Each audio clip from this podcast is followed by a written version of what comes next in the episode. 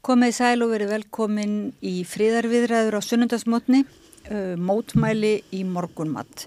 Bjóðum við upp á og það eru fimm ár liðin frá hinnu svo kallaða uh, æsispennandi klustursmáli og uh, að því tilefni eru kominingað uh, Bára Haldórsdóttir, listakonna á aðgerðarsinni og, og upptakari sem eru kallað upptakara og uppljóstrara Uh, Haldur Auðar Svansson, hugbúnaðar sérfræðingur og, og varaþingmaður Pírata sem að tengis málinu og Auður Tinna Adalbjarnadóttir, lögfræðingur Íslands hjá mannreitinda domstóli Evrópu í Strasburg. Hún er með okkur á summi því hún er ennþá í Fraklandi og við vildum endilega uh, ræða málinn á sjálfu ammælinu. Kæra þakki fyrir að vera með okkur hérna á línunni. Og að að þér, og, og, og þú ert nú líka formaður bortennissambands Íslands. Uh, Já, takk fyrir að minnast á það. Mér finnst það mikilvægt. já, það er svolítið mi- mikilvægt svona sunnudasmótnum. Er þið ekki stundum að æfa bortennis á sunnudasmótnum? Jú, ég fyrir alltaf með strákinn minn á æfingar hérna á lögutum hérna í Fraklandi. Hann er þryggjára og maður getur byrjað að æfa þryggjára í Fraklandi sem er bara snild. Sko. Vá. Góðmál. En um, þetta var svolítið svona bortennis ping-pong þetta mál á sínu tíma. Uh, getur þú aðeins byrjað að segja okkur svona frá eiginlega umfangi, þessu svona lögfræðilega umfangi? Og við ætlum að fara út í kannski bæði svona tilvistarlegt og, og, hérna, og tæknilegt náttúrulega og tilfinningarlegt uh, tilfinningarlið málsins og eftir hérna við rauðaborðið. En uh, getur þú aðeins sagt okkur tæknilega Já, bara hvað gerðist og, eftir, eftir, eftir sjálfa upp, uppgötuna sko, upp, upptökuna og uppljóstrununa hva, hva, hvaða Já. ferli fór þá í gang svona, til að rifja upp fyrir okkur Já, já, það er raun og veru, sko, mér finnst eða svolítið mikilvægt að, að segja stuttlega frá þessu við þetta tækifæri vegna þess að á undanförnum svona fjórum árum, ekki alveg fimm, þá hef ég mjög oft verið spurð hvernig endaði klausturmálið eiginlega, vegna þess að þetta einhvern veginn svona var ekki alveg svona fullnaðar sigur í raun og veru hjá hvorum aðila þannig að margir svona náðu ekki alveg utanum þetta og svo gerðist þetta líka svolítið mikið í sumarfrínu 2019 þannig einhvern veginn svona allir vissu af þessu í desember 2018 þegar þetta var bara algjör sprengja inn í samfélagið. Og síðan svona sá fólk aldrei í janúar og keip árið að vinna í dómsmálinu en síðan svona sá það ekki alveg um sumarið hvað gerðist. Þannig ég skal alveg endilega útskýra þetta. Um, þetta var sagt þannig að bara ég eins og aðrir íslendingar bara, var bara í sjokki yfir þessum ummælum sem að voru byrt í stundinu og víðar í lók november 2018 og hérna þá hafði bara ekki stegið fram. En eftir að hún gerði það í þessu fína viðtali hans Jóns Páls þá hérna uh, spurði ég yfirmenn mína á rétti Alstensson Partners þar sem ég vann sem lögmaður og, og var í sjör hérna hvort ég mætti senda Báru post um það að ég vildi gefnum hjálpunni ef hún vildi. Og þá er raun og verið sko þekkt ég aðeins til hennar vegna þess að hún hafi verið vittni í máli Freyju Haraldsdóttur gegn barnavendarstofu, bara staðið sér mjög vel þar og ég bara hafi góða tilfinningu fyrir henni. Þannig ég sendi henni bara post um að ef hún hérna hefði áhuga þá myndum við endilega vilja hjálpa henni við Ragnar Aðarsinsson og, og hún bara kom á fund og hún var til og ég og mjög ánægð með það vegna þess að hún fekk náttúrulega endalaust á svona postum, hún var bara einhvern veginn frægasti Íslandingurinn í desember 2018 sko. og enda kjörin maður ársins á tveimur stórum miðlum síðan í sama máli. En hérna allavega, þá fer þetta af stað að miðflokksmenn voru búnir að höfða um, svona vaffmál hjá hérastómi Reykjavíkur um svona vitnaleðslur og gagnaöflun um svona reyna að fá veist upptöknar af klösturbar og svona önnur sönnunaka og út af því að sagt, það var ekki vita hver bára var þegar máli var höfðað þá var þetta í þeim farfi en síðan sagt uh, e, fær hún bref og getur þetta sagt betur frá sér sjálf og eftir hérna til sín um að, já, já, fyrst að nú núna liggi það í lófinberlega fyrir að þetta mál varði hana, þá þessi svona rétta hún fá að taka varna í þessu máli og, og hún megi hafa þessi lögmann eða lögmenn og bara verður velkominn og, og það var sem sagt hérna held 17. desember 2018 að við mætum nýri hér á stóm og það var bara eins og ættamóti, einhver vestla sko, það er bara fréttamyndina frá þessum tíma, þetta er bara ruggla, það er bara Jón Gnar og Sanna Magdalena og bara allir sem eru frægir og bara svona við stöndum með báru og bara þú veist, það bara var færri komur staðin vildu í þingsál sko. Og hérna og, og við unnum það mál. Og uh, svo kærðu uh, þau þingmenninir þetta til landsettar og við unnum aftur hjá landsettar að hérna sagt svona vaffmál eru svona spes þetta er svona, þú veist, er þröngum skilurum mætt til þess að hérna það fáist uh, leiði til þess að leiða vittni og hérna leggja fyrir sönnunarkap en einhvern veginn svona, ég held svona kjarnimál sem var bara, nei það er ekki svona tímapressa, það er enginn gagn að spillast, bara bara búin að stíða fram, þetta er hjá persónuvend núna, persónuvend mjög skoði þetta og þess vegna tapir því því máli þar og hérna þá var dæmdur ákveðin málskostnaður og þá var bara sákabli málsins búin þarna Þurfum við að vita sko hvað vaffmál er? Eða þú veist, er það Nei, þetta er mjög svona tæknilegt og svona, nei, það er veru bara svona uppmál, þú veist, ef við hugsaðum um svona vennilegt svona eggamál eða sakamál í hýrastómi hérna, einhverjum af áttahýrastómi landsins, þá er það yfirleitt eitthvað sem svona þú býður kannski í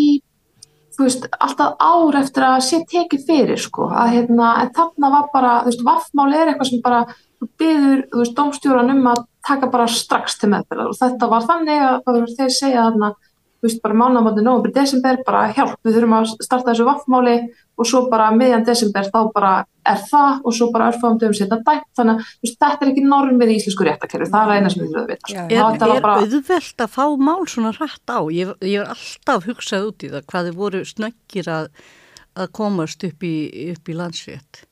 Já, já, en það er einhverju var bara mjög jákvæmt fyrir okkur, skilur. Algjörlega, ég er bara forveitin, sko.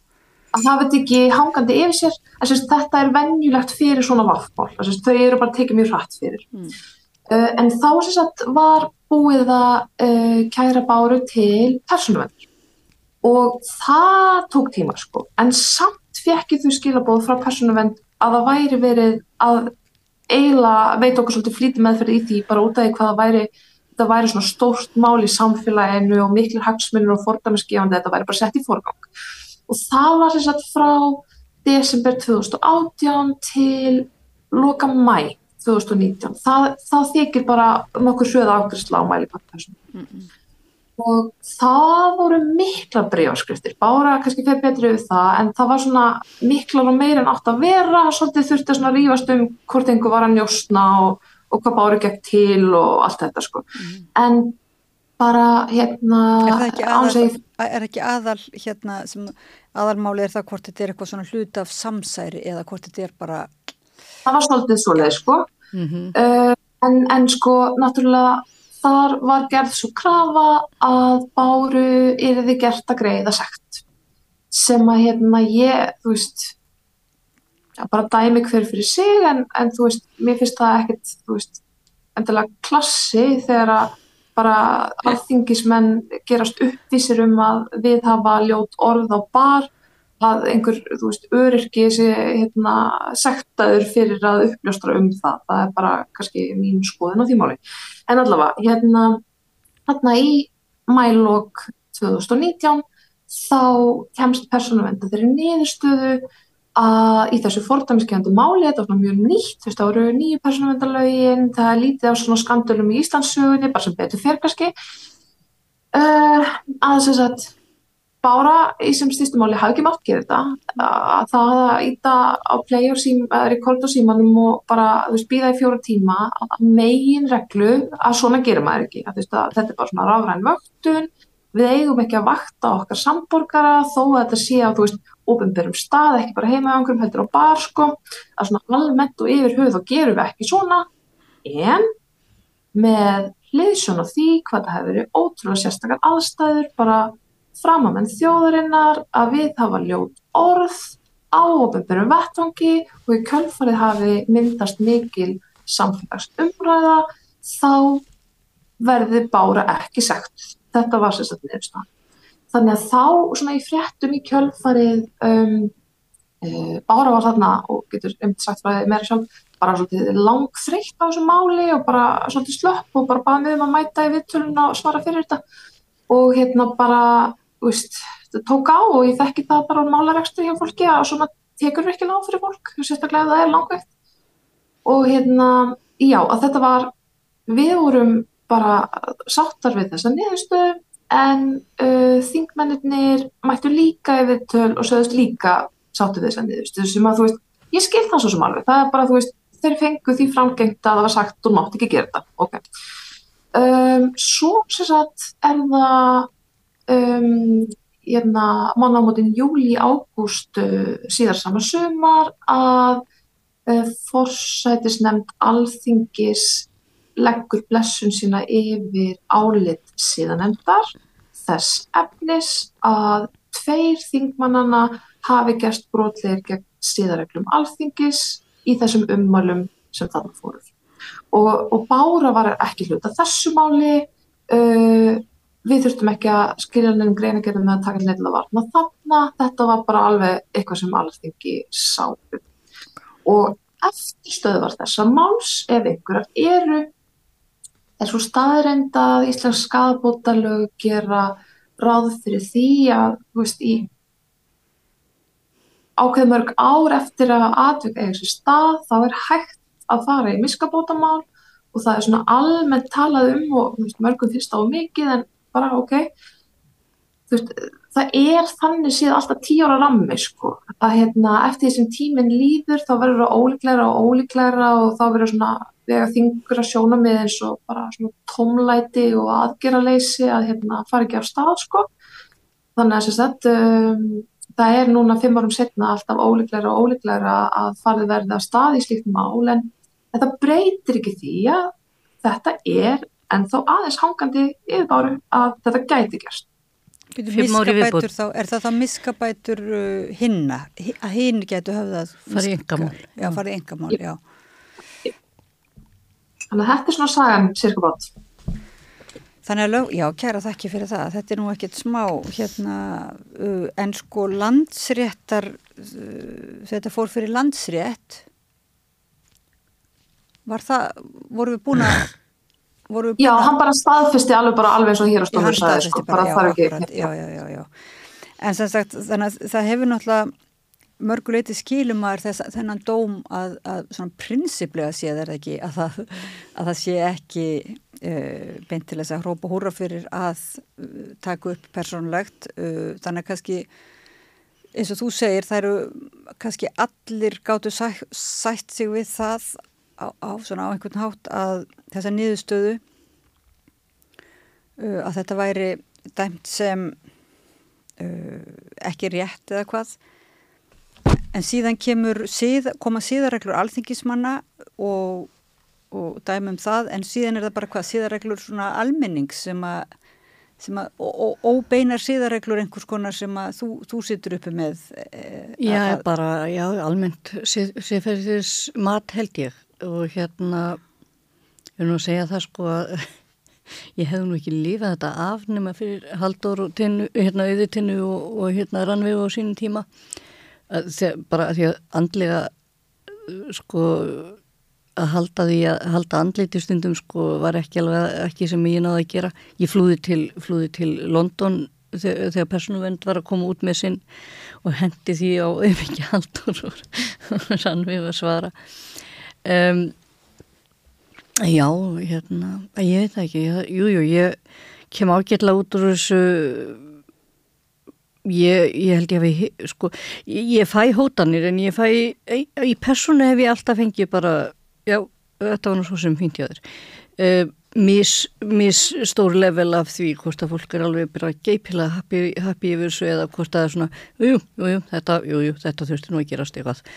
Um, þannig ég veit ekki, ef, kannski það sem þú meinar einmitt með síðferðis almennings eða Jú, já, ég er að meina bara akkurat, þú, veist, þú ert eiginlega komin út úr þegar einhver svona dómsmáli er lokið að þá situr þú, eins og hún segir, þú átt kannski yfir höfðið þér eitthvað þess að miska mál en, en mm. svo áttu líka bara, þarf þú bara eiga við, já, bara almenningsáliti líklega, er það ekki, er það, ekki það sem er? Jú, jú, ég, það, ég hérna, ég veit ekki, svona reglulega leiðrétta, hérna, endur sögu á þessu frá, hérna, okkar indislega segumundi mm.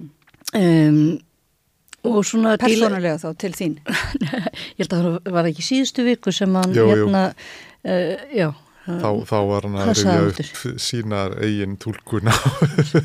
að ég hefði reynd að endur semja þessa sögu, söguna og þarna sko þegar hann sko já, það, það var náttúrulega sko það er ekki hægt að byrja það sama við eitthvað annað sem hann var að tala um Ar, að- Ardísi sko að, Ardísi, var að því þetta var náttúrulega glæpur hitt þeir, voru fór, glæpur, sko. þeir voru fórnarlömb Fórnarlömb sko, það, það er náttúrulega þeir, þeir eru fórnarlömbin í þessu En er sko. það ekki það sem ég er svolítið að ít að núna erum við fyrir utan dómskerfið og Já. þá eiginlega kemur svona hérna, leðjuslægur einhverskar um það í raun hver var segur og hver er fórnalamb og, og þá fyrst manni eins og náttúrulega svolítið sérstakt að þessir aðilar sem að þarna voru þeir hafa allir fengið svona uppreist æru þannig séð já, kannski óopimberlega en, en, en Karl, uh, hvað heitir hann Karl, hann fekk þarna Gauti Karl Já. Gauti að Jón Gunnarsson uh, veitti honum lauruglu embætti í vestmannegjum og með þeim orðum að hann væri sagt, ekki segur eða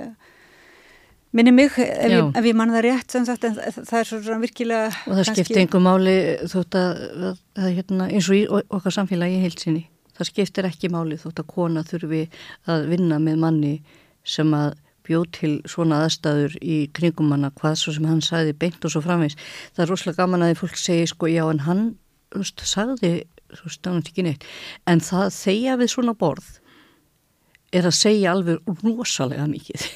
Þú veist, þú, ef þú hlustar á mann eins og Berg eh, hérna, með sínar yfirlýsingar í fjóra klukkutíma sem við tökum eftir að er star, starraðan að vandamál greinilega, um, þá ert þú að eiga þátt í samtali þótt að þú sért ekki hérna, öskrandi með honum í, í húrahópum, sko. Og það þurfa síðan að vinna náið með svona manni finnst mér vera gildis uh, felling á bara, þú veist, rétti sagt, mann, hvenna í, í starri, hérna, í stjórnmálum og í, í ofinberum málum til bara mannviðingar. Já, en núna þegar að þú raunverulega byrtir þetta í ljósi raunverulega almanna hagsmuna, þetta er eins og uppljóstrarar vikilíksmálin og allt að það er gert til þess að það er í raunverulega einhver, nafni einhverjar, einhverjar hugsonar eða baráttu sko og um, En hvað er hægt að, er hægt að vísa til þess, skiljiði, var, var ekki vísa til þess fyrir dómi að þetta væri mikilvægt, mikilvægar upplýsingar eða hvað? Kemur það ekki? Ég held að það sé ástæðan fyrir ég var ekki sagt við, já. Já, Já, já, já. úrskrið persónumvendar, já, einmitt. Það er svona, Það er hérna, eitt sem ég langar að nefna sem að ég glimti áðan hérna, með hennar persónuvendarúskur sem að hérna, verður að fylgja með er að hérna, Báru var sér að gert til viðbútar við þetta sko að eigða upptökum sem að er náttúrulega það var kannski svona ljósasti punkturinn í þessu út af því að þá var bara blásið til skemmtunar og gögnum sko og bara gert mikið sjó Bárum úr út að því. brenna. Já, en, en hérna, það er, mér, bara, mér finnst það svona, svona lögfræðilega þykir mér það alveg svona eðlileg niðurstaða, eitthvað svona, þú máttur þetta ekki þannig að eittu þessu, en þetta er samt náttúrulega bara sprengklægilegt í því ljósinu að það lág fyrir að þessar upptökur voru komnar til fullt af fjölmjölum og, og þú veist að hérna, þetta var bara, þetta var ekki engungu á þessum síma, sko. Það er ótrúlega Nei. mikið magna fólki sem ég hef talað við sem að er með þessar upptökur. Fjöldi alþingismann á þessum tíma sem voru allt íni með þessar upptökur og transkriftaði þeim. Svo ég kann hverki, hverki, mér vantaði transkriptið stundum til að reyna að muna hvað þeir voru að tala um að því að Guð minn einast í, mér langaði ekki til að hlusta á þetta aftur. Að, hérna, en, en sko fjöldina fólki sem að átti þessa hérna, upptöku var alveg magnaði sko. Já, þannig að þetta er svona bara raunverulega, uh, bara svona leikreglur að, að þú eigir að, hérna, eitthvað formlegt að þú eigir að eigi þessu þegar allir vita. En, en, en með því, það sem ég er ekki að hugsa, um, með því samt að persónuvernd um, viðurkenni að þetta sé kannski mikilvægt, er það ekki þó líka fordæmiskefandi uh, um leið og hún segir að þetta sé ekki æskilegt, það er ekki æskilegt að taka upp persónulegt, uh, persónulíf en er, er það ekki, er það þá ekki lögfræðilega svolítið mikilvægur dómur eða hvað? Jú, mjög mikilvægur úrskurður og bara hérna að hérna, veist, við búum í litlu samfélagi og þarna þurfti persónuvend að leita til uh, dóma Európa-dómstólsins og dóma mannindómstóls Európu sem fordama um hvernig eigi að hérna, uh, hérna vega og meta sko tjáningafrelsið og friðelgi yngarlífs hérna þessi tvö grundvallar réttindi sem að stjórnarskrafan okkar og, og allflestra ríkja heimsins hérna hafa í heðri. Það er náttúrulega mikilvægt. Og, já, og bara þú veist, þarna eru komin með almennlegt íslenskt fordæmi um sko að stjórnmálamenn uh, hafa uh, minna friðelgi engalífs og sérstaklega ef umvalið eru af þessu tægi. Það er bara mjög mikilvægt fyrir framþróun tjóningafélags á Íslanda. Já, en, en er ekki mikilvægt aðrið þessu að, að bára byrtir þetta ekki en einu leiti sjálfældu leita til fjölmiðla sem að taka það aðeins sér að, að meta það hvaði þessu er fréttmænt. Þeir við að meta sko þessi, þessi sjónamið með fyrirtelki engalífsins versus sko uh, hvað á erindi til almenningus.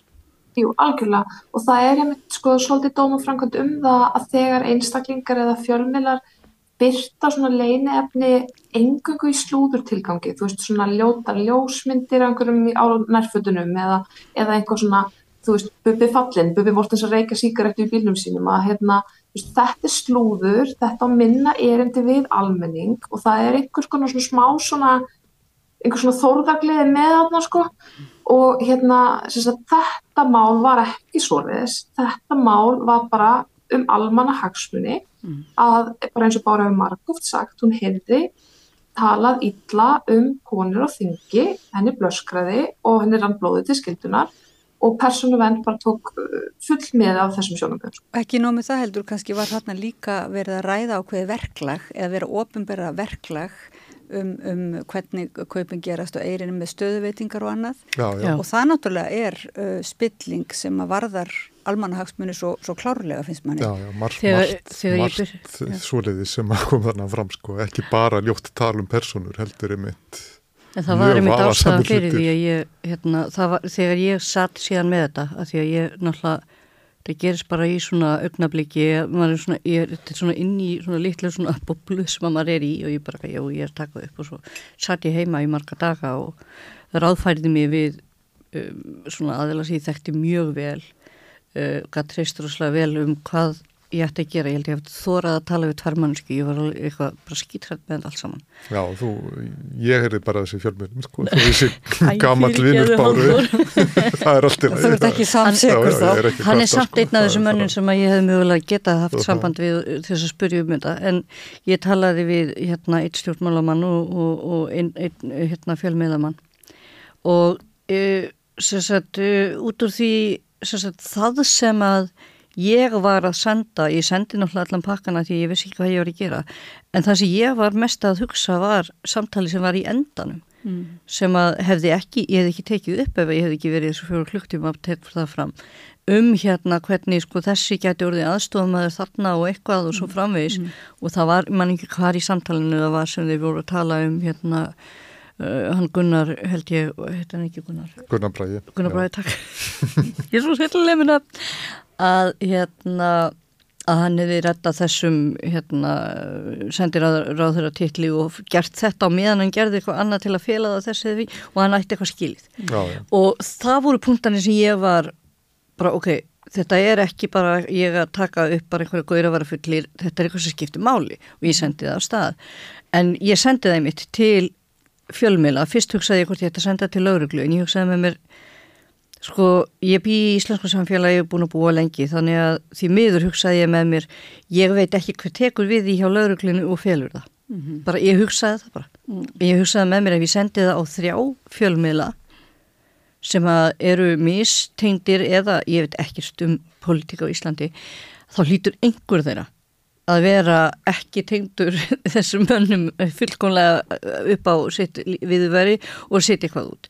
Og þeir líka hljóta að hafa einhverju meiri þekkingu um það heldur en ég, hvað af þessu er eitthvað sem að má gefa út mm -hmm. af því ég haf ekki hugmynd um það heldur og það er eiginlega svolítið áhugast að sjá að þeir byrja mitt á þessum mikilvægu punktum og svo brítur hvernablaðið, Steinun og Lína takk fyrir, elskan hjá hvernablaðinu brítur ísin og tekur fyrir dónatalið mm -hmm. sem bara kemur því fram sem að örgla margir hafa hugsað með sér að væri á grensunum með að vera slúður. En þetta skiptir máli í samfélagi sem er nýttbúið er, er að díla við me too og alla þessa hluti. Þá er þetta virkilega eitthvað sem skiptir máli. Og svona, þar, þar með fór bara allt samtalið í flug. En hérna en mín situation var sem sagt svo að Ég treyst ekki minni einn dömgrind á það að ákveða það hvað mætti fara og hvað mætti ekki fara og ég hugsaði með mér það er fólk sem er í vinnu við að finna út úr svolítið slutum og það vinnur hjá fjölmjölum. Það lítur nú að koma þér skemmtilega þá óvart að, hafi, að þú hefur ekki þurft að sitja upp með þetta eina þegar hafi tekið sínt það hugur ekki að, að byrta. Já, ég veit ekki hvort að tók, ég, ég var vissum það að sko, sko ég gati ekki trúa því að eitthvað af þessu væri ekki fjölmiðlamatur, ég bara gæti ekki trúa því, mm. það, ég gæti ekki trúa því um, en ég var aftur á móti áður en að klausturmáli kom út þá var ég mjög brotinn manneskja og hef verið mjög oft sem öryrki það, það er bara svolítið svona.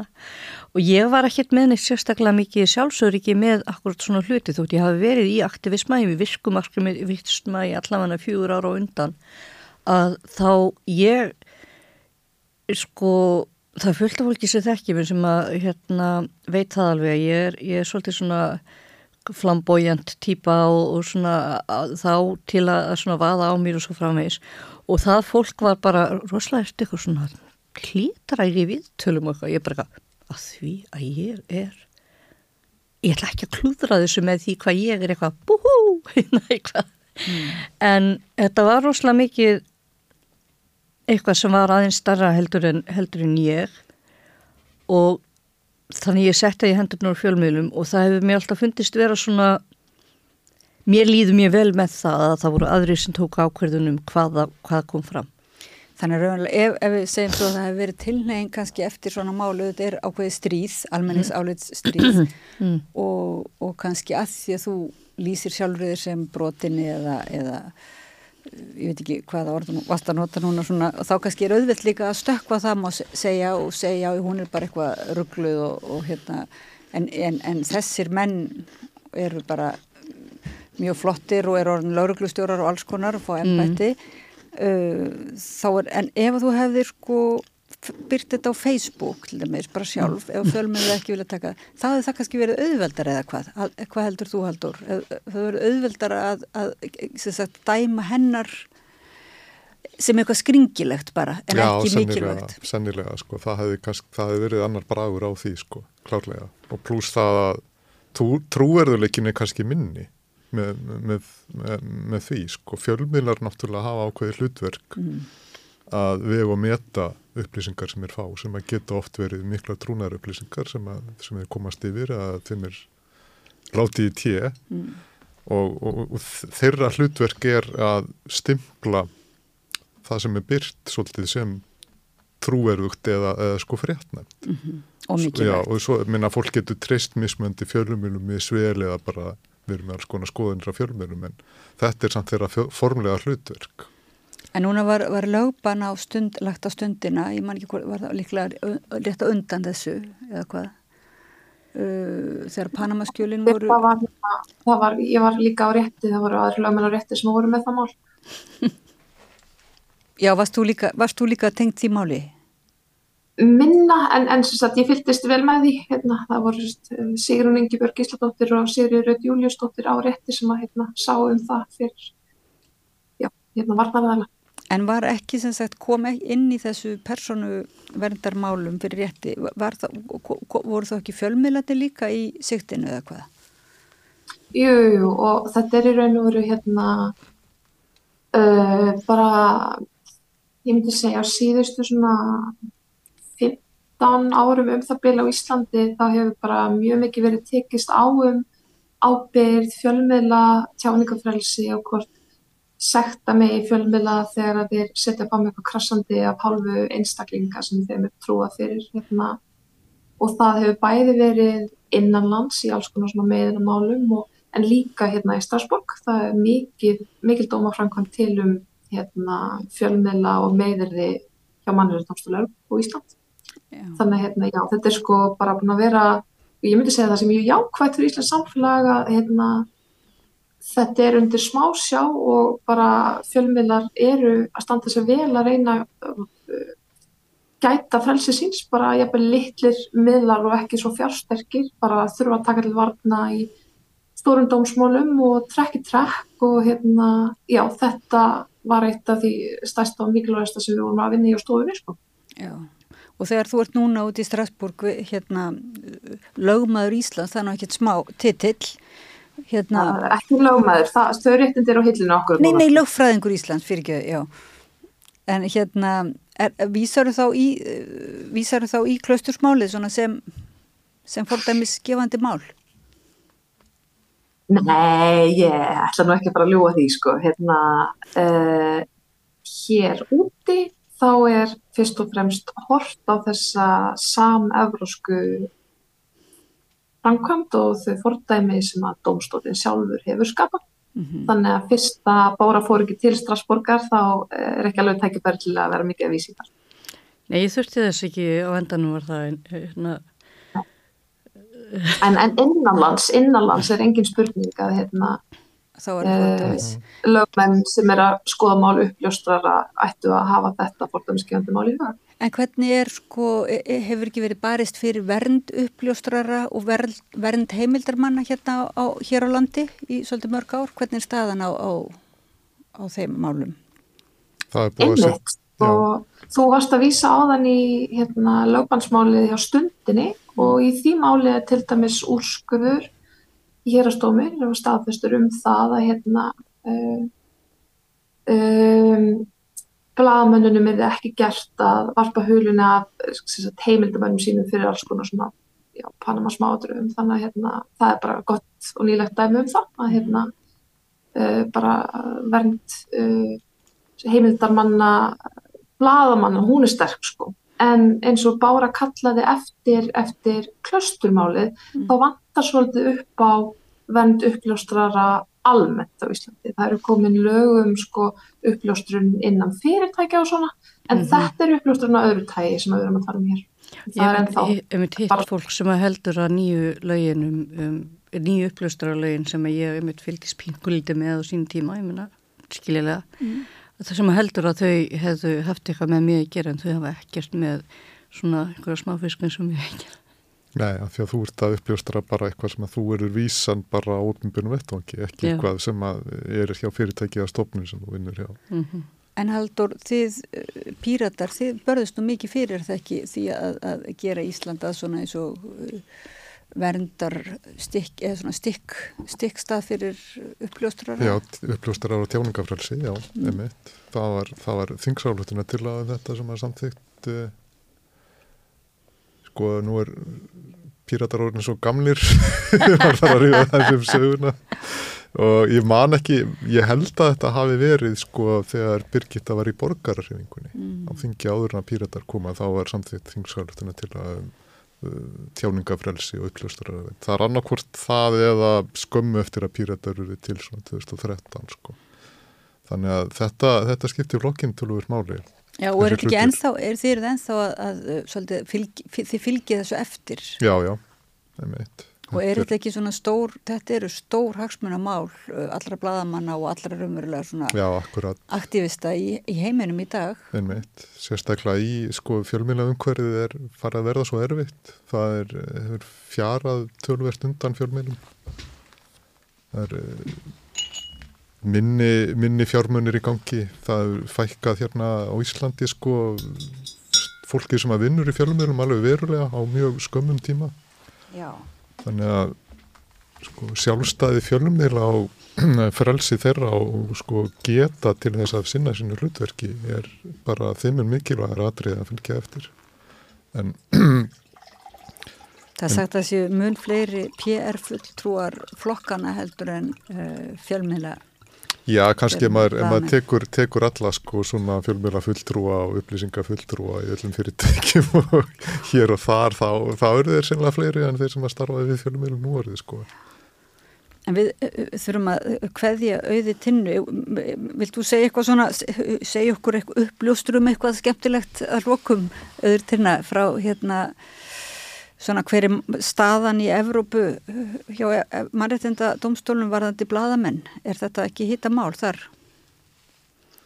Jú, jú, og ég myndi bara segja fyrir áhuga mennum hérna, mannréttinda lögfræði að bara um að gera að fara á heimasíðu domstólsins og hérna, fylgjast með svona árlegum og ásfjórungslegum svona key cases sem að hérna, domstólinn tekur saman uh, hvað sé og bau. Uh, það er alltaf eitthvað um tíundugriðin sáttmálans þess að tjáningafrælsið hérna í því og, og þó það sé ekki alltaf um Ísland þá getur það verið margt mjög spennandi eins og um svona, um, svona uh, mass surveillance hérna, leini þjónustur annara Európa-landa svona fylgjast grann með samskiptum borgara sinna og svo leið sko, ég hérna, vona Ísland sé ekki alveg komið á þann stað en það er mjög gaman fyrir okkur að hérna, fæli mögulegri dystopískri framtíð og hérna, sjá hvað domstólinn segir um þetta. En já, annars bara hérna, þakka ég fyrir mig og þarf að halda áfram með vinnundaginn. Já, takk kærlega fyrir, og, en þess að klöstursmálun er ekki beint, myndið þú segja að því væri lokið, þú spyr, sagðir, eða er því ekki lokið? Nei, ég eiginlega, ég eiginlega syngi ekki bjöllinu fyrir 2029, sko. Já, þá fyrir við í kaffi. En, en þá fáðu ykkur kaffi, en, en hérna, þangað til þá, já, verðum að vera vakandi fyrir sagt, öllum laga, lagaflækjum og, og, og hérna, einmitt þessi, hvað heitir það, survey, mess surveillance, hvað myndur þú segja það á íslensku? Það er svona fjölda eftirlit, já, já massa lík, eftirlit já. Líklega svolítið, hérna, reynir meira á það núna, jáfnveil á Íslanda, því það er miklu meira um borgarlega ólíðinu og aktivisma og mótmæli. Og tæknin verður alltaf betri og betri til að gera þetta og þá verður kemur freysning fristing. Já, en auðvitað aðalbjarnadóttir uh, formaður borðtennisambands Íslands og lögfræðingur Íslands hjá mannetta Dómstæli Európist Strasburg og, og sem var lögmaður Báru, er það ekki? Lögmaður Báru í Haldurs, Haldursdóttur í Klustursmálinu. Mm. Takkaði bara kærlega fyrir að vera með okkur frá Fraklandi. Takk. Og plýsa, takk. Og hérna... Já, það getur við hvað segjum við, ef við þá að hérna, fara aðeins út, eða ekki endilega út úr lögfræðinu en, en bara svona Haldur getur kannski leitt okkur frá lögfræðinu yfir í Personulegu liðina kannski já, segja, já, eins og ég kom inn á þann þá er mín aðal aðkoma mín aðkoma bara fyrst og fremst að ég er bara gammal vinnur báru, við vorum búin að þekkjast í uh, meirin áratug þegar þetta mál kemur upp og ég sé þetta fyrst í fjölmiðlum að það er að fluttar fréttir af að þessu. Uh, ykkur sem kallaði þessi Marvin. Það var, var nafni á þessum upplöstarara fyrst. Paranoid Android Akkurat.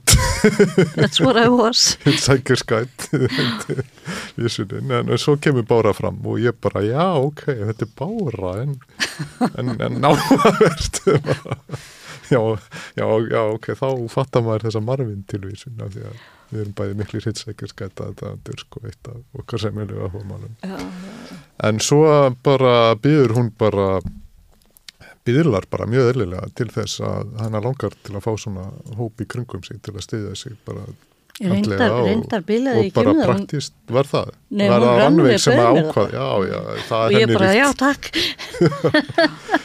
það er þessi samvegli vinkun okkar, hún rannveg Pírati líka. Akkurat, mm. borgar, nei hún er ekki borgarvöldur en einhver, hún er núna flutt uh, á Styrkirtón mm. Jú, ok, aldrei fyrir tíu neitt Nú, ok. Já, hún, hún hefði nú hugsanlega verið hérna með okkur í dag en hún var akkurat út á landi.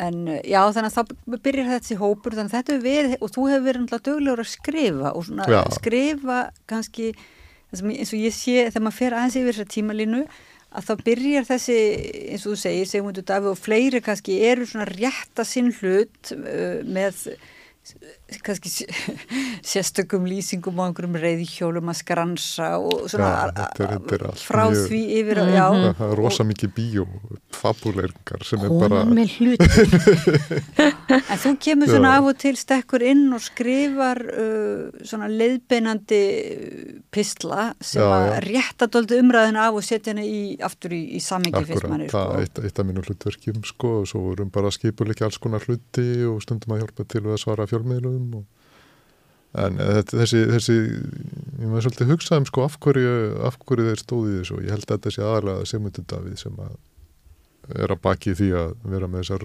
rosa samsæðiskenningar og hann er ennþá að því.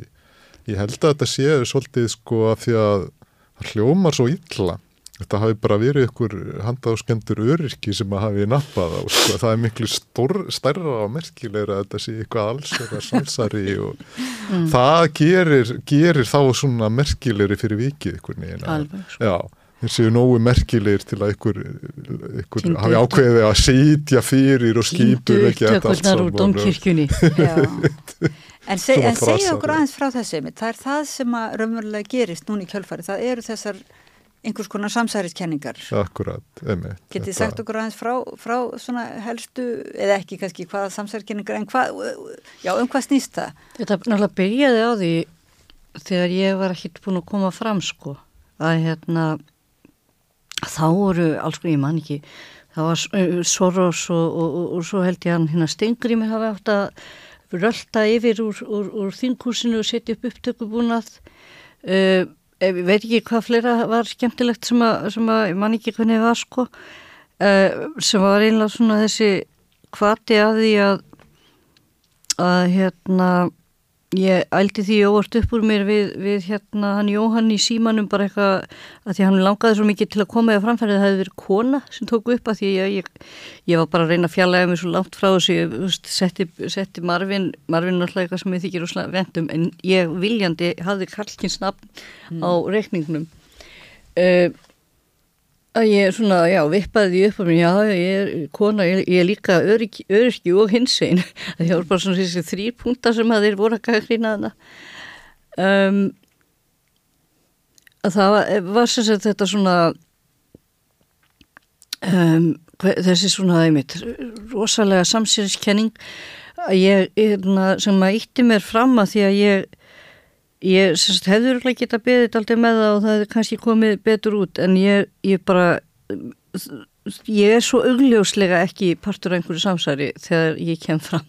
Já, þú meina þú hefði geta, geta sko beðið með að segja þetta og það er ég vil bara geta sleft því fjölmiðlunar fóru kannski ekki fram á, fram sko á það. Sko ég veit ekki á einhverjum tíma, á, þegar ég var að tala um þetta við, við uh, Jóhann þá held ég að hugmynd það sem að var í höstumafnum var það sko ég kefti mér kaffi á þessum bar og dæmi, það hlýtur að þetta vippa mér upp eftir fimm mínútur í einhverju uh, ég sá það að þeir voru komið eitthvað mál í gang og eitthvað dæmi Þannig ég svona sá, það, sá ekki fram á að ég var að tapa einu einu á því að koma bara fram sjálf sko. Mm. Og svolítið reyna að setja svona fram sterka svona, já, nei, þetta er ekki, ég er bara einhver gjala út í bæ sem að er allt sem þið voru að tala um og er samt sem áður uh, hérna, já, öst, ég veit það ekki. En, þú, en, en Haldur var ekki, voru, þú, þú varst að svara fyrir, það var það að það voru nokkri sem að töldu að hún væri þá leppur. Já, já, já, já, já. já. Fyrst ég var, ég meni ég gæti náttúrulega ekki að hafa gert þetta sjálf Og það hafa allt verið skipilagt fyrirfram líka, það, líka. Sko. það er það er svo nýðurlændi einhvern veginn að vera bara nappaður uh, bara og vera svona óheppin en, en það þetta sé skipilagt fyrirfram og það sé svona reynd að finna eitthvað á þá. Það svona setur á því það að ljósa að þeir séu það merkilegir að, að það finnist ykkur um þetta að verið en, en En, en var ekki kvartinn bara þá svolítið af því að þessar kenningar voru komnar fram bara hjá þeim þarna strax einhvern veginn að þetta að vera allt samsæri? Var ekki kvartinn svolítið bara að reyna að slá af það? Með því að segja bara að þetta er andlitið, þetta var bara þú varst Já. bara þú og bara reyna að drepa þessa umræðu um samsæriskenningar. Ég held að það, það, var, það var aðalpunkturinn og svo einmitt þegar það sko, ég veit ekki hvernig þetta fer í loftið en, en við, erum að, við erum að taka þetta upp á fyrsta desember sem er mjög mjög áhugavert. Að því á fyrsta desember þá lappaði ég burt frá hérna torginu nýri bæ. Mm. og ég bara lappaði burtu þegar ég og allt í hennum svona flýtur upp í höfuðið að mér og ég skri, tók það upp á eitthvað snabt hérna og senda á einhvern. Uh, hérna ég er kona og ég er hins og ég er öryrki bara því að alla ræðuna voru gangi og ég bara allt í hún fattaði það að, mm.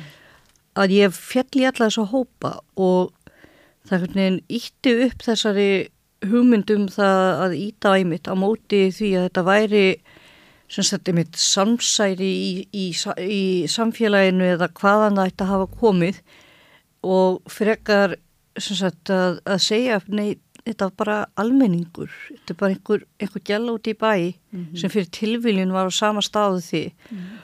Og að eðl, ég, meni, ég held sko það fylgta fólki sem hefur sagt um sko, ég hef ekki tekið þetta upp, ég hef staðið upp og lamið á mm -hmm. en hérna þú veist þetta er eitthvað sem vekur viðbröð og það er fullkomlega eðlilegt að ef einhver haga sér svona almannafæri sem að er maður sem að, eða fólk sem að er í þessum stöðum það er fullkomlega eðlilegt að það verði, við, verði af því einhverjar afleiðingar eða viðbröð. Mm.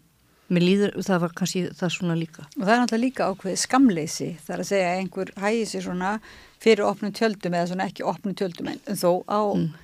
almanna uh, Ég, já, Þetta er ofinbært rými, sko, þetta er ekki alveg úti við en þetta er samt, þetta er, er rými sem almenningur hefur aðgang að. Já, það var það fullt af fólki aðnað í þessu rými. Okkur öllum fannst sjokkirandi að þetta, að þar með væri kannski þættu þeim sem að uh, tóku þátt í þessari samræðu, þeim þættu þetta raunverulega bara það eðlilegt tal að, að það þurfti ekki að skamma sér fyrir það. Já. en svo var náttúrulega margir og eftir sem að hérna, Ég held lefn það reyndar, sko, ekki bara þeim finnst þetta eðlilegt, það er ekki aðalmáli heldur þeir voru svo fullkomlega vissir um að þeir væru einhvers konar skotheldir að þú veist þetta kallast entitlement á ennsku Já, til alluna sem er Já, já. bara vera vissum mm -hmm. að þitt þín manneski og þitt öryggi sé það merkilega og það mikil að þú getur hagaði svona innan fullta fólki Já. og það sé ekki að fara að koma tilbaka. Það er líka vernd valdastöðunar, er það ekki? Já, þetta er. Eða einhvers konar svona fyrring út af því að þú ert svo vanur því að fá ekki hluti tilbaka. Sko. En hefur þetta ekki verið tekið núna upp sem sagt þegar að uh, pírata þinkona uh, var handtekinn á bar. Hún artið sjá, einmitt, og uh, þá, þá var Simundur Davíð akkur núna lílega í umræðin þetta og þá er hann að byrja þetta saman að því að þá segir hann sko við vorum fornarum en ja, hún var það ekki sko. Já hvernig, þessi samanböru finnst mér svo eitthvað langsóttur, getur þú útskýrt aðeins hérna hvernig þú lítur á það og, og hvernig, eða, ég vil ekki að þú sér að tala auðvitað fyrir Sigmund Davíð kannski. En samt svona eftir að hafa lesið hann hver, hver er pælingin hjá þeim sem er að segja þetta sé svona sam, sambærilegt mál Uh, hún sé fórnælamba því hún, eða hún eigi að njóta fríðhelgi eins og þeir átt að njóta fríðhelgi ég held að já, sam, samlíkingin sé sko að, að sko, ver, sé sko fríðhelgi sko að þarna kemur upp eitthvað mál þar sem að hún er bara út í að skemta sér og mm. sko fyrst á að dýra að veri rafskipti af henni og hún lendir upp á kanti þá og svo kemur lögreglan. Og saman, samanburun getur það verið sko að, að þetta sé bara hennar engamál versus sko þessu sko að þetta hafi samtöl þingmannana sem þetta svo félaga hafi líka verið þeirra engamál sko en, en hann er náttúrulega að reyna að verja sig gegn því með því að segja bara við vorum þarna fórnarlömp ykkur skonar árásar sko en hún ekki Já. þannig að hann er einhvern veginn að segja að það hafi verið e, algjörlega eðlilegt hvernig þetta kom fram með, með hann Arnísi en óeðlilegt hjá þeim Mm -hmm. en, mhm. en ég myndi segja að þetta hafi verið eðlilegt í báðum tilfellum sko. mér finnst þetta hvort ekki að vera aðrið sem á erindi við almenning sko. Já ég myna ef ég á velja milli hérna, einstaklings sem að hérna, drekkur aðeins svo mikið á einhverjum, á einhverjum aðstæðum og, og, og svona fer eitthvað að röfla á einhver, einhver staðar og einstaklingi sem að hérna, talar eins og þessi menn töluðu við einhverja aðstæður þá held ég að ég veit alveg nákvæmlega hvern aðeilin uh, hefur eitthvað gert af sig hvað því að geta verið á þingi Já, já, já fólk, fólk getur lagt alveg mat á það sko, bara hvort, hvort þau verða á svona. Já, því eins og persónu eins og vorum að segja, það, við, við erum kannski í prinsipinu, getum samþygt það að, að fólk eigi að njóta uh, friðhelgi og í sínu enga lífi, en það er aðeins öðruvísi kannski þegar að, uh, uh, sem sagt, Ef, ef hún hefði verið, ert ekki að menna það, ef hún hefði verið uppvísað því og verið tekið upp hennar orðræða um sín störf til dæmis og um hvernig eða fórst það... verið eitthvað eða eins og kallað er, þú veist, ef hún hefði, hefði gert eins og frægur þingmaður í bandaríkjunum sem að sem að hérna var full og bara veist ekki hver ég er og þú ert að fara að taka mig fasta Loren, og svo frá Bóbert, viss já, einmitt. Nákvæmlega, veist, það, það er hluti sem skipta Leikritinu. máli varðandi, varðandi það að vera í valdastuð, það En mér skiptir finnst máli. þetta bara ekki skipt, eh, raunverulega fannst mér þetta, ég, ég er meira svo þannig, mér finnst, uh, þú Aldur, ég, mér finnst ég að vera svolítið skringilegt að einhver sé handtekinn á, hérna, það er svona óvennulegt allavega. Það er það, og það er fréttnæmt sko, en, en hins vegar samanburðin kannski næri ekki mikið lengra en Nei, það mér sko. finnst hann Alls ekki ná, ekki, sko. alls ekki ná yfir því það er ekki, hérna, einhvern veginn málið, sko. En, en einhvers, þá maður sér það, það er ennþá sem tilneying til þess að stökkva á Já, já, alveg. og reyna að uh, Jafna saman einhvern veginn sko, Jafna hlutir sem já. eru kannski ekki, minna, kannski á einhverju mjög yfirborði, miklu yfirborði eru svipaðir en bara í grunninn eru það ekki sko. Og þetta raunverulega að finna sektina hvað þú notar eitthvað í þínum skrifum Bára sagður druslu skömmun eða var það hugtakið? Hvenær notaði það? Eða- Ég man ekki um hvað, einhvern tíman eða Já, svona, sem sagt, að, að, að þú hefur orðið fyrir svoleiðis að já, já, já, já alveg hérna, uh, hvað var það hérna, já, ég, ég mætti sérstaklega með hringana mína hérna, því ég er hringadrottning Samkvæmt og hérna samkvæmt einhverjum netinu. athugasemdum úr kerfisfræðingun og hlöðu þetta og svo náttúrulega sko í hvert einast skipti sem ég anda og einhver ákveður að taka eftir því þá er ég aðtekli sjúk að því kona og ég hef lent í því að fá senda heim posta sem að innihalda í raun og veru því miður það ekki, voru það ekki myndir af mér en, en manneski sem er leit svipað út eins og hér það sem að var reynd að druslu skama mig í það hlutverk að, halda kjafti bara of, lengt, of seint sko ég er orðin það gömul og, og sjúskuða það bara er orðin það seint að gera það. En, en þetta er það sem ég gert. Það er bara svona sapnað upp alls konar hlutum. Ef þú hefur ekki eitthvað málefnilega til þess að smjatta á þá smjattar þú náttúrulega bara á þessum klassísku hlutum. Konur eiga að halda kjafti og ekki vera svona hins einn og öryrkjar eiga ekki að eiga neina hluti sem þeir hafa ekki selt bara sekundinu sem þeir regnast á og sérstaklega ekki að vera náttúrulega að láta sjá sig, þú veist, á, á kaffihúsi svona dýru kaffihúsi seint í mánuði, ég fekk að heyra það sko. En það var mjög beautiful af því að hérna uh, amma mín, uh, hérna ég, segi þetta þótt að ég veit að þetta sko hún gaf mér pening rétt frá dögum á undan og ég grínaðist með það í jó- í jólabóðina hún hefði fjármagna klöstismáli og hérna hún fér næstu fyrir hjarta en, en þannig að ég, ég er svona að reyna að geta ekki mikið, mér finnst þetta samt alveg geipilega að finna því þetta er svona speklun á því hver blöng ég Já, var en, en ég mátti samt ekki eiga pening eftir afgangunum á bánuðinum og fara og fá mig kaffi, það var ekki í lagi sko. þetta mjög veist, þessi svona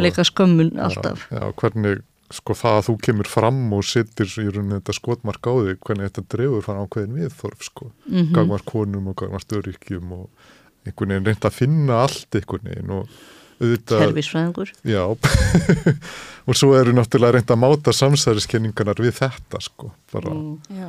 bara e, það að reyna að draga úr þínum trúverðuleika er liður í því að íta undir samsæriskenningarnar sko, að ef, að- ef að þú ert ekki alveg öryrki til dæmis, þá hlýtur þú bara að vera akjönd ykkur að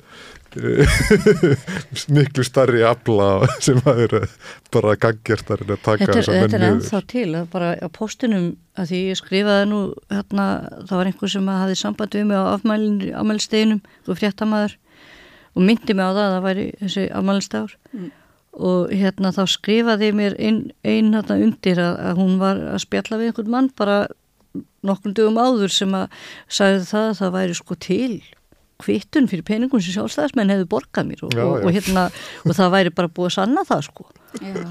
og þú veist það er fimm á síðan og þetta bullir þú í gangi Já, þannig að þú ert, mér langaði með þetta að spyrja því, þú ert ennþá að fá, sko það því við erum að spyrja er klöstursmálinu lokið, því er ekki lokið í þínu persónulega lífi því þú ert ennþá að fá semst, hótanir og svona viðvaranir og einhver, einhver ég fekk morðhættun í sumar þegar hann kom, fekk að verða hérna lauruglustjóri ég myndi ekki eftir, ég tók ekki eins og eftir umræðinni og mjög veik heima hjá mér. En hérna einhverju maður hérna sagði mér frá því að, að ef ég leti, leti sjá mig í vestmannium þá væri, myndi það verða endurinn á mér og, og ég ætti bara að fara að passa mig. Já, já, því að nú er kallgauti hann að ráða þar, já, ok. sko líklega út af því að fólk var að rífast um það hvort hann mætti vera þar. Já, já, og þá rifjast upp að, að þú veist, þá er ég allt í unni vandamálið. Ég er ekki búin að koma nálagt þessu máli í umræðu, ég veit ekki hvað lengi, ég, jú, jú, ég hef örgulega randomli sagt eitthvað einhver staðar en, en, en þetta, sko, þetta, dreg, sko fæ, þetta fæ ég alltaf í félum, þetta fæ ég alltaf, þú veist, einhver skilóbóðum eða postheimti mín eða, eða svolítið sluti, já. já.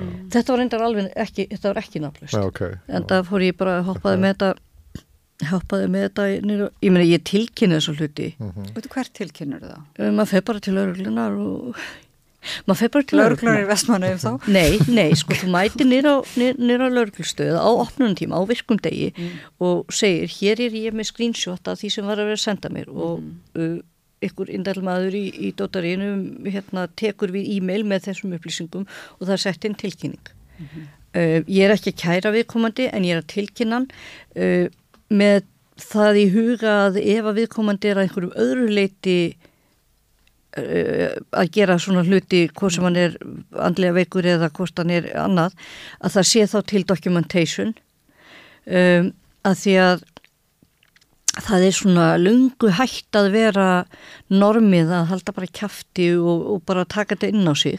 Það er mjög gott að geta bara skila þessu til okkurnar og ég hef ekki ágjur að því lengur. Já. Þetta ferli náttúrulega þitt er eins og þessi minnilötu hópar sem þú vart að vísa til þetta fjallar náttúrulega mikið um að skila skömminni Já. og set, búa til eitthvað arkíf sem er hægt að þá sanna að, að þetta er ekki þú. En ég vona að þú látur þá líka fólki kringu þau vita vantanlega ef það eru hótanir og slikt eða hvað. Já ég minna konar mín kemst náttúrulega ekki hjá því að, að, að taka eftir því þegar ég að því að sko það fer eftir bara minna, þegar ég er veik þá líður mér ekki þá, þá náðu þessi hlutur oft inn að manni mm.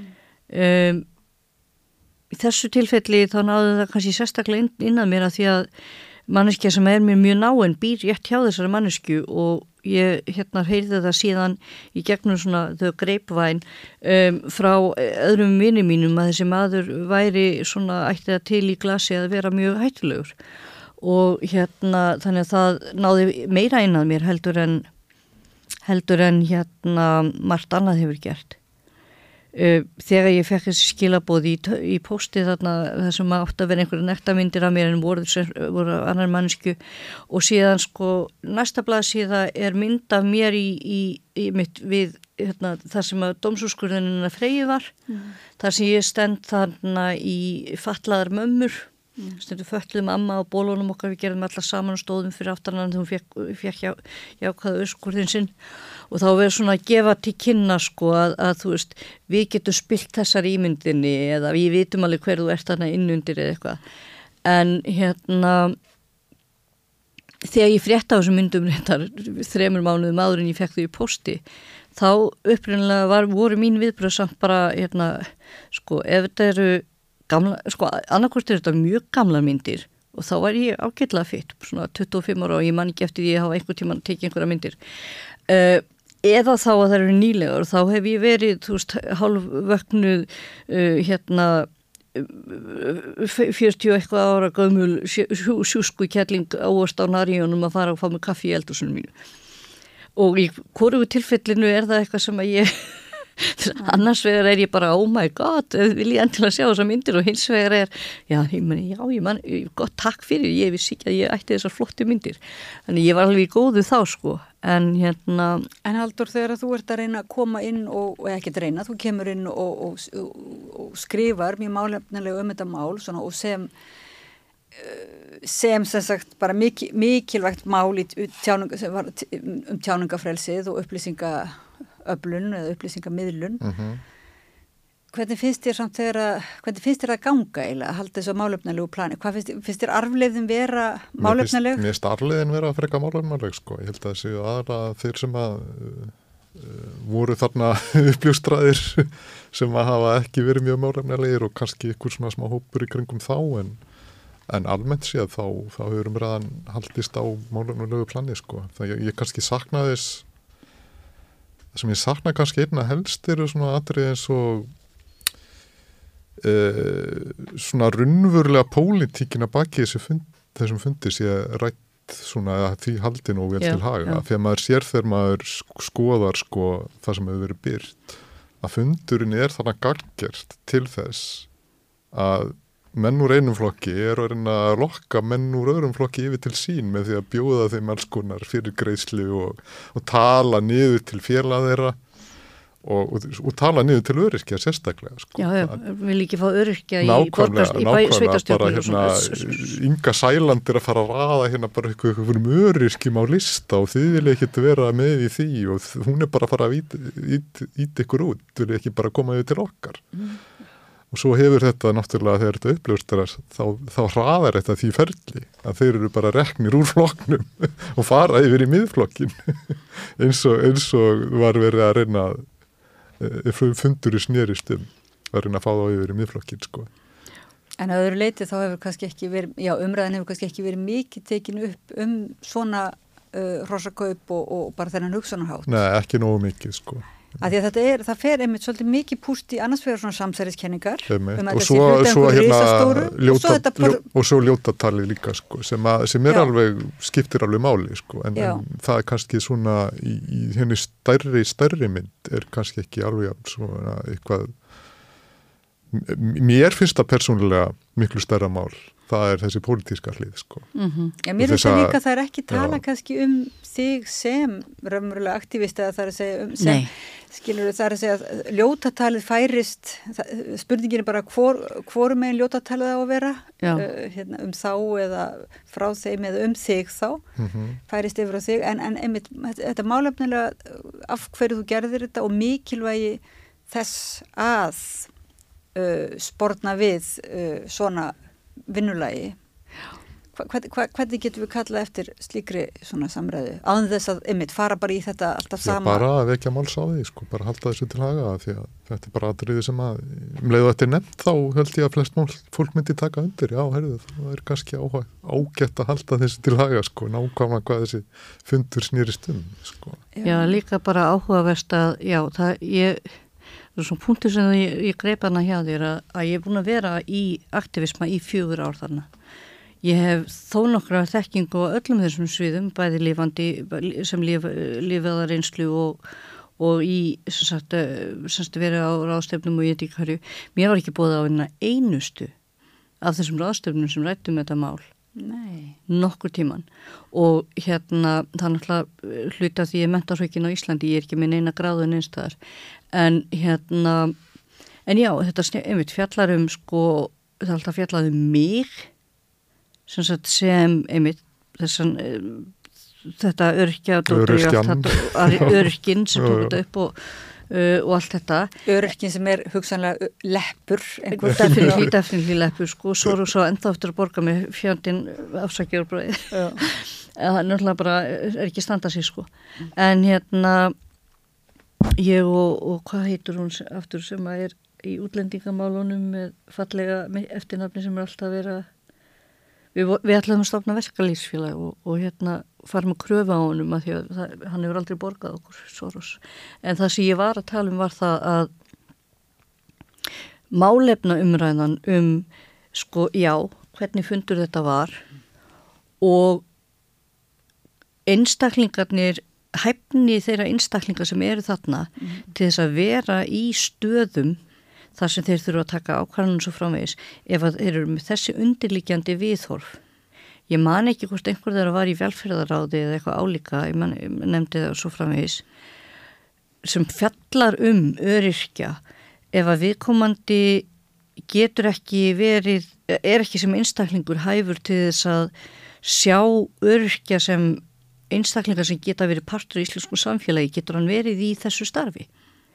Um, það er svona, það er kannski það líka, alveg eins og, seg, eins og hann segir, veist, skil, það sem þeir voru að gera var viss hlutur mm. og kannski ég mitt ítt undir og ég ætlum að vera öllítið meira buddies og allt þetta en það er einmitt allir þessi svona praktísku hlutir varðandi þú veist um, minna, hvað er Gunnar Bræði núna til dæmis að vinna? Hann fór í ganguð Fór hann í ganguð? Já, bóstaflega, hann er yfir sko ykkur skristofu núna það var einhver sem, sem skrifaði það á síðuna hjá mér að, að, að, að því hann er svo þekktur fyrir góða ennsku, ennsku kunnægt að vera gaman að því að vita því hann væri í, í utanríkis umræðu eða vinnu mm.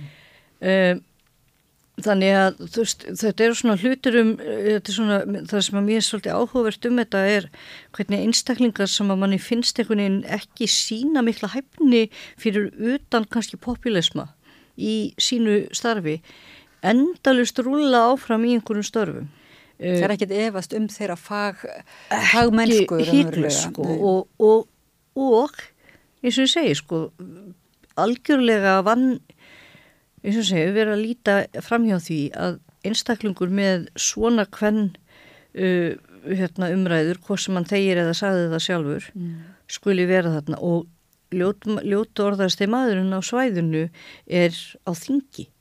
Ennþá, hann er á þingi maðurinn sem sagði vissa hluti sem að væri gaman að setja upp bara við hlýðin á fólkinu sem að hann þarf að setja fram, setja við hlýðin á. Og ég kannski segi þannig svo sem ekki að þeir hafa að ég veit, veit svo sem rosalega lítið um, um starfsæfnið annað en mér sagt að, að, að hérna að sumir þeirra séu ótrúlega döglegir í að mæta ekki vinnuna sína. Og hérna sem að var ástæðan fyrir því ég taldi að ég mjögulega gæti fara á þínga því að ef þeir gáttu mætt svona lítið þá gæti ég alveg verið klænið En, en, en, en tengingin líka er þessi þá að þú, það er og einhvern nátt kannski er þinni fagmennsku ekki beinlinis uh, trist eða, eða hún tristist ekki í sessi, þú sem listamæður og svona fagaktivisti má segja mm -hmm. sem var, varst meðal annars búin að var það ekki fyrir þeirran tíma sem þú varst búin að vera Jú. með svona setja upp hálgjört stofufangilsi Nei það var eftir en ég, aftur, var eftir, það var, það var, ég fikk náttúrulega aldrei tækifæri til að vera listamæður fyrir en að ég var allt í unni þekkt og þurfti ekki að sækja um 100.000 hluti sem ég hafði ekki orku til að ekki sækjum þá hérna eins og eins og hún Anna sagði Bára það veit allir hverðu þú ert, vilt ekki fara að gera eitthvað þessu sem þú ert alltaf að segja? Svo ég lagði það fram og bjóð til hérna listgjörning sem innihjalt það ég þurfti bara að vera veik einhver staðar það gekk alveg upp. En þar á undan hafði ég verið að taka þátt í hlutum eins og hérna ótrúlega hérna magnað málþing sem var haldið sem hér tilvist, hérna, trublandi tilvist. Það sem að voru, þú veist, litað fólk, feitt fólk, fatlað fólk, uh, erlengt fólk uh, og samkynnt fólk. Það verður að tala um svona fólk sem að þú lappar inn í herbyggju, þú getur eitt falið að hver þú ert og þú trublar svona hvað allt sem er frábært. og þarna mynduðust magnaðar tengingar sem ég hafði síðan setna í, tíð, í gegnum tíðin, ég held ég að hef hitt mitt sönnu í fyrsta skipti þarna. Og ég hafði tekið þátt í mörg og eins og þetta máleinar freyju og svo framvegs við vorum, ég var virkur aðilega á tabu í langan tíma og, og við vorum búin að vera að standa í mjög sterkri málefnavinnu uh, þótt að freyja og embla einu svo sem megin, megin hérna, bónusinn þar að þá stóðu við hinnar með þeim og unnum saman með þeim að, að hlutum. Um, þannig að sagt, í raun og veru þá hef ég uh, alls konar bakgrunn sem að hérna, er algjörlega hort fram hjá í þessu máli. Ég er svo sem eitt sári yfir, ég hef uh, litla orku til þess að gera vissa hluti, ég fekk að gera listina mínu þanga til að COVID sló mikið út Um, en það lítur náttúrulega samt að hafa, það lítur eiginlega að spila inn í þegar að fólk er að meta hvort þetta hefur verið, hvort þetta sé sambærlegt að vera að slúðra eitthvað um engalíf uh, ofnbæra starfsmanna. Uh, að því að þetta var þá gjörning, þar að segja að þetta er pólitísku gjörningur af þinni hálfu, þetta er... Uh, Ég þekkti orðræðuna, það Já. er það sem er máli. Já. Það er ekki allir sem þekkja þessa orðræðu að því að þeir hafa bæði orði fyrir henni og eru í réttindabaráttu á undan og skilja hana. Já, þú þekkir, þekkir þetta og veist hvað er undir, þú kannt að lesa svolítið í línunar minnur. Ég, ég meina það bara að, að ég er búin að, þetta er bara aftur efnin sem við vorum að vinna með mm -hmm. sem að einmitt koma upp í samtalið hérna og fyrstu, fyrstu samtalin eru bara, fyrst var þetta bara eitthvað, býtu, what? Og svo ítti ég að play og það byrja að teljast upp allir hlutinni sem að ég og mitt fólk í réttindabaróttu og, og nálagt mér eins og í þessum interseksunalisma hefur verið að vinna með. Mm. og ég held að ég held að sko ég áður hendar við smá svona sjálfseyðinga hvita stríða íta átta og sitja þarna held ég örugla en ég þekkti setninganar og ég held ég hefði ekki þekktar eða verið, verið í stakkbúin til þess að, að þú veist ákveða það að ég væri þarna aðgerða sinni á þessum stað nema að því að ég var búin að vera í umræðunni lesana, vera að lesa greinar vera að skoða hvað var að gerast og svo framvegis. Um, En hvað ef, hvað ef þú hefðir ákveðið að, að, að hafa þetta sem síningu eða gjörning sem listrænan uh, byrt þetta sem, ekki sem uh, sett þetta bladamönnum heldur uh, byrt þetta sem listaverk eða sem svona Já, það var náttúrulega svo illa upptekið að það þurfti fjölmiðla til að skýra þetta sko. Já. Þannig að það hefði svo sem aldrei verið fyrir utan það ég veit ekki, eins og segjum, aldrei hlustað á þessu upptöku aftur. Nei og það er alveg góð ástæða fyrir því þetta er um, um það byrj leiðinlegasta áhernarefni sem getur ímyndaðir Nei en þú ert að meta eins og þér að segja, þú ert að meta þetta sem aktivisti, þú ert Já. að meta þetta sem listakona en líka raunverulega síður sem listakona frekar sem aktivisti sem að þekkir þessu orðröðu og áttar sig á því að þetta er uh, tal sem að varðar almanna hagsmunir umverulega. Þetta varðar greina, hagsmunir öryrkja og... Þarna undan, ég var aldrei búin að tilla mig sem listamenn fyrir en eftir. Ég hef, hef, hef aldrei þórað því sjálfsmati fyrir en eftir, eftir þetta. En ég var greina, búin að vera greina höfundur hjá hvernablaðinu í daldinn tíma. En það er svolítið sérstætt að það hef ekki verið leitað til því þá, uh, sem sagt, þegar að verið að taka þetta svona faglega fyrir, uh, setna að, að að það hefur ekki verið leitað til en þá hefur einhvern veginn lendið því... Það er að því var bara öryrki sem að tók þetta upp. Já, já, þannig að þú hefur lendið einhvern veginn meira í því, þú ítrekkar það að þú sért öryrki og lendir þá ég vera bara öryrki. Það er ekkert skoðað hvort að ég sé manneski á bakvið. Ja, þannig að við fórum sem að voru þarna á upptökunni eru svolítið líka pínu kannski afhjúpast í kringum málinn sjálf, sko, að líka þau eru við þessi viðfari, já. Já, hvað segir þú um það svona haldur að þú horfir á þetta mál svona núna, hva, það er alveg full, það hefur nú ekki mikið breyst svona í, í því miður í okkar kannski Já, pó, þetta hafði smá pólitísk áhrif sko, þetta mingaði miðflokkin og stækkaði flokk fólksins Já Þegar, það var náttúrulega planið hjá þeim einhvern veginn að reyna að minga flokk fólksins eða taka hann út einhvern veginn og fá fólkið við til sín. Það tókst að fá fólkið við til miðflokksins en, en það mingaði flokkin.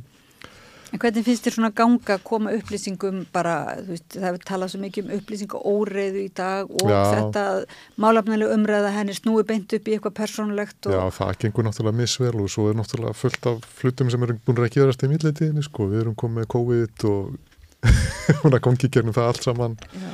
þetta fyrir COVID uh, sko ég persónulega er svolítið svona minn þangagongir er, er svolítið svona fyrir og eftir COVID, þetta er svo stort einhvern veginn, maður þarf, maður þarf að leggja svona ekstra mikið á sig að hugsa um það nú gerðist fyrir COVID, þess að mjög gott að fá tækifæri til að reyja upp. Já, það, ég held að fyrir eftir COVID sé bara almennt, mál, almennt orðalag sko sem á mjög vel við. Það, ég, ég algjörlega ótengt þessum, þið viti hérna þessi þrjú ár, mm. fólk, fólk er bara, það upplifir það sem þú veist, eitthvað 1 til 7 ári eða eitthvað, þú veist, það, það er ekki það vantar alltaf tíma. COVID-árin COVID mjög brenglu tímaskinjun sko, fjá, en, en, en, en er þú með raunverulega hugmyndir um að, að COVID-tímin hafi haft slæm áhrif á svona fordóma eða það ætti að vera þannig að fleiri, fleiri sko, eru eiga við andleg og líkamleg Já, vandamál eftir COVID það er, það er mjög góð spurning sko. manni fannst svona kannski til að byrja með að þetta myndi vekja kannski meiri skilning á því hvernig fólk sem er einangrað áverið með að fara úr húsi kannski Já. mjög viðkvæmt með viðkvæmt sko uh, viðkvæmt kerfi sko uh, og hvernig því líður og hvernig það lífið er og einhvern veginn við erum allir þessu saman var mikið orðaðan en uh, mér finnst sko fólk hafa verið mjög fljótt einhvern veginn að fara út úr því. Og einhvern veginn að ákveða, já, ákveða að læra ekkert svo mikið að þessu sko. Bara nú er þetta búið mm. og nú er bara nýjan orðið komið aftur. Og einhvern veginn held líka bara ekki minnst sá lærdumur hversu mísjaflega þetta snerti mismöndi hópa kannski ekki heldur hafi verið dregin sko, nægilega vel. Það, já, ég held að fólk svolítið nú sætt meðvitað um það að fólk eins og ég til dæmis þegar fólk segir að þegar COVID hætti það er í janúar, februar mars á þessu ári mm -hmm. sem ég losna nei, ég losnaði reyndar ekki, ég ákvað að velja millir andlegar og líkamlegar uh, helsu það kom ekki prófið á heimilinu mínu akkur þegar ég var að fara í aðgjörnum um daginn og ég veit ekki hvern mér hefur en þá ekki tekist að fá COVID en fyrir mér er COVID ennþá ja, stórt vandamál. Já, já, það er ekkit farið. Það er ekkit farið og, og hérna það er mjög erfitt stundum að búa í heimi þar sem að sko ég var eitthvað að reyna að hugsa með mig hvort ég geti samlítið þessu við að vera með netofuna með einhver, einhver svona, eitthvað svoleiðis dótar í að, að veist, það fer ekkert. Ég held bara áfram að þurfa að klást við það. En sko, en þá er við raunverulega að tala um að sko öll, maður er alltaf von til þess að við lærum, sem þjóð, eða bara við, bara í heiminum, lærum eitthvað af. Þess að það er erfið reynsla að við lærum eitthvað, að við lærum af klöstursmáluna, við lærum af þessu hinnu og COVID og, en svo er þessi tilheng svona til þess að ég myndi að segja nú er þetta bara frá, mm -hmm. nú er þetta bara búið og nú er þetta bara orðið persónlegt vandaból þitt bara Algjörlega. og þetta er, og þú ert vinnurinn haldur og þið verður bara að sitja upp með þetta og Já, samfélagið ykkur neina, þetta er ekki lengur samfélags Nei, þetta er ekki lengur sko. samfélagsmál, Nei. þetta er klustursmál mm -hmm. og hérna þannig að ekkert verið að tala mikið um það. og ekki COVID er heldur ekki samfélagsmál. Nei, það er það bara persónlegt mál hversu eins. Algjörlega, er... þessi 2% ég minna það er bara þessi 2% Akkur, sko, ég fæ ennþá þau svör hjá ef ég er að tala við einhvern.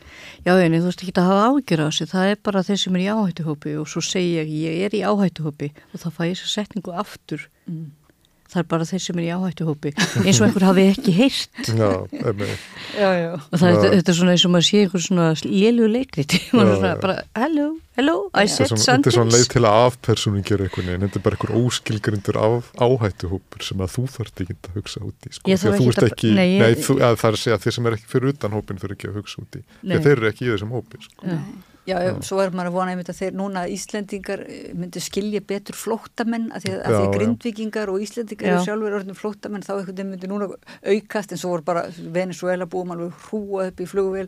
Já, ég, það, það, er náttúrulega það er eitthvað sem er náttúrulega COVID og fjárhagsmálinn og svo framvegis. Þegar efnahagur uh, sem sagt þrengist og þegar það kom upp svona stór máli eins og COVID og svo framvegis þá ítist alltaf undir þessar hérna, gömlu er, já, veist, já, fólk fer fyrir ekkar í bara að lífa afgýrin. Sko. Já, ég var í mótmælum núna fyrir bara nokkrum vikum þar sem að mér fannst í finnsta skipti að ég væri í líkamsókn í mörg, mörg ár mm. varðandi hérna varðandi sem sagt það að vera í hins einhópnum um og þetta er þetta, þetta, er, hérna, þetta bólgnar upp með þessu. Og uh, sá flottamannu uh, vandi sem heimurinn er með og á bara eftir að stækka hann náttúrulega eftir að polarisera okkur í þetta klassíska við og hinn er alltaf reynd og ég finna það er augljóst að við eigum eftir að þurfa að þrengja okkar hag á næstu árum og áratugum miða við það að meiri hluti, að stóri hlutar af jörðinni er að verða óbyggilegir og við erum ekki tilbúin, við erum bara ekki tilbúin, mm. það, ver, það verður, það kemur. En átti ekki COVID einmitt að setja þessa polariseringu sem sagt uh, skekkja tóltið þann póla því að við værum öll, öll Jó. sett alveg sama Jó, eins og ég sagði, sko, mann fannst það svolítið framan að það væri pínu stemmingin en bara hitt er bara svo rúsalega rótgróið þessi einstaklingsíkja allar myndir um þetta allar, þú veist, mann er með þess að bíómyndir í höðinu, hérna, Contagion og svo leiðis það sem að landamæri hverfa og allir vinna saman og svo leiðis og svo sér maður hluti eins og COVID og maður sér hluti eins og hérna fyrir, eins og hérna uh, samirjamálið og maður sér hluti Já. bara alla þessar hluti. Og líka bakslag í hins einn baráttunni. Mm. bakslag í hins einn baráttunni bakslag. í öllum þessum baráttum. Og hérna og maður, maður verður bara alltaf dabur að því að maður átt að sjá því að ég meina ef að, ef að gemurinn að koma og við þá ættum við að þykjast vera rosalega mikið saman eða eitthvað nei. Þá ættum að vera stór ríkin að, að passa það að þau fái sko að vera best buddies mhm. -huh. og svo bara auð eftir hverfa og það er výrt að, að skrítinu upplifuna átt að segja á því að, að myndir eins og matmaks eru líklegri til að vera, vera sannsögulegur hérna, framtíðapunktur heldur en einmitt sko contagion þar sem allir verða ótrúlega mikið buddies Já, það er rúslega svolítið það er náttúrulega nýðröfandi að, að svona distópísk framtíða sé líklegri. Hver á að hérna, mata, hver á að reyna mata þetta, þennan lærdóm og, og svona, e, mat okkur eða matreyða þessa viðburði einhvern veginn og, og, og kenna Hvað myndir þú segja haldur í svona... Já, stjórnvölda ykkur leiti en sko vandin við það er að allt frá bankarhörinu þá hefur tröst ykkur verið stjórnmála verið svo rosalega lítið Já, já, já og það er ykkur neginn... búin að eðilegja fjölmjöla tröst og... Já, einmitt til dæmis sko. En, já, fjölmjöla tröst er orðið minna líka. Já, já. Upplýsing og trösta bara á upplýsingum og vísindum og, og, og raun staðrændum. Þú veist, það er allt saman orðið mögulega, mögulega samsæri. Uh, er, þetta er bara svona stór lína, ég talaði um þetta alltaf við hana Erlu hérna mann ekki hvað stótti fréttakonu sem að ég hef verið að frétta um þetta, mjög góð grein hjá henni á heimildinni, ég mæli með að finna það um þessi mótmæli sem að ég var á mm -hmm. þar sem hún fjallar um þessa samsæðiskenninga polariseringu sem að er rosalega góð fyrir, Já, fyrir hérna þá sem að vilja halda peningum hér og þar. Uh, COVID þá voru kift bútar upp heilu íbúðunar af fólki. Þetta snýst náttúrulega endalust um það að það er til fólk sem hefur svo mikla stjórn á umræðinni mm -hmm. út af því að það á svo mikið af samfélaginu mm -hmm. að það er alveg sama hvaða svona þú veist, samkendar tilfinningu við komum upp, það er alltaf þetta et, etja saman öryrkjum og eldriborgunum það er alltaf þetta etja saman hinnum og þessum Já. út af því að þeir eru í þeir fá aldrei svona sína sína hillu eða svona, já, alveg sem, eins og fólk sem að segist, fólk stendur með samkynniðum. Mm -hmm. Indislegt bannerar út um allt, gott fyrir hjartað, allt það. En stendur þetta fólk með sam, hérna, samkynniðum í herbyggi, í partíi eða ammæli eða heima hjá sér eða einhver staðar, þar sem kemur upp eitthvað svona smá leiðilegt, eitthvað svona, stöndu við í alvörunni fyrir því sem við segjum. Já. Ég er nefnilega held að það sé það sem við gerum ekki og þess vegna myndast þessi sundrung og eins og segir þegar á reynir Já því við þurfum sko á virkri Já. virka stuðningnum að halda En hugbúnaði sérfræðingur, þú ert að líka haldur, uh, hvað er hægt að, er, getur við eitthvað endur forritað okkur eða sko, erum við fornanum þessara samfélagsmiðla? Og... Þetta er rosa góð hugmynda því að eh, nú er ég náttúrulega að verða það gammal að ég mann alveg þegar interneti var fyrst að koma fram og þá var ég úlingur og hugmyndur um að þetta er allt svona eitt allserjar þorp, global village hugtæki og svona rosalega mikil björnsýningar var netinu um að þetta myndir samina fólk sko, því að það eiga allir aðganga sömu upplýsingum. Mm. Uh, nú hefur við séð að það hefur aðeins annað komið á daginn, það er, er fragmentirinn hvar og einhvern veginn, það er hægt að búa bara til búblur og þú getur dælt í náróðri, þannig að þetta er vandamál líka á þessu síði. Minna, mm. Interneti og þessi tækni, mjög, hún hefur gert mjög marga góða hluti, hún hjálpar fólki að tengjast, hún Já. hjálpar fólki aðgangi á upplýsingum, Já. en þessar útópisku hugmyndir um að þetta myndi leiða til þess að uh, sko landamæri myndi fólks myndi hverfa og, og einhvern veginn að það yrði bara til svona einhver ein upplýsingarlind sem allir geti treyst, það hefur ekki ræst sko, bara Nei. langt í frá. Það er líka er það ekki að því að við erum kannski öll svolítið á saman báti varandi það við erum sagt, gegn stórfyrirtækjónum sem, sem eiga já, já, eignarhaldið er farið að skipta svo miklu máli Facebook hefur, á sko, Ísland sko.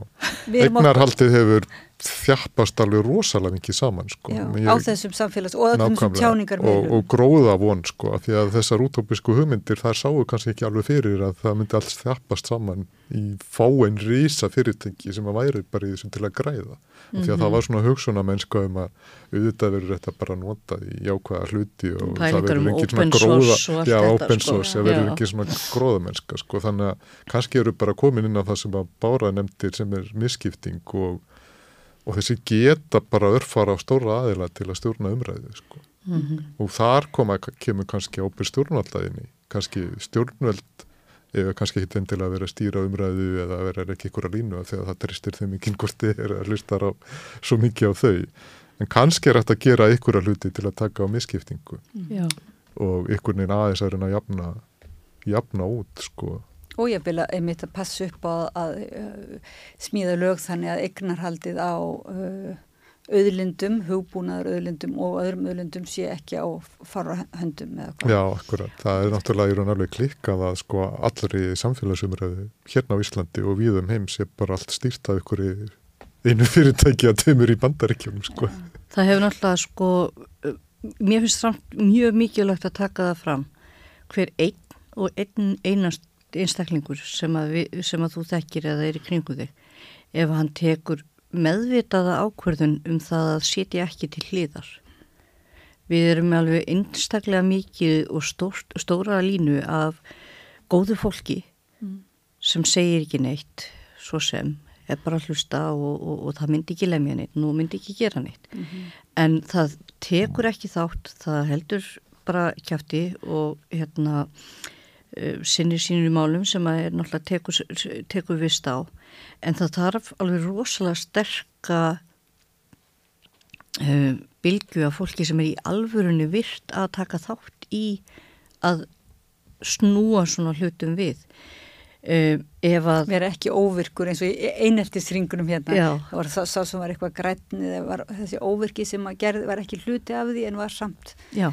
Já, þannig að það skiptir, það skiptir máli að við, við reynum allavega að nota þessar aðferði sem að við uh, þessar tjáningarleiðir sem við mhm. höfum mm -hmm. að reyna að virkja þær að Því stjórnmjöld og fyrirtæki mm. og allt þetta sem að ég haldur að nefna, þau eru ekkert að fara að gera þetta fyrir okkur, af því að þau mm.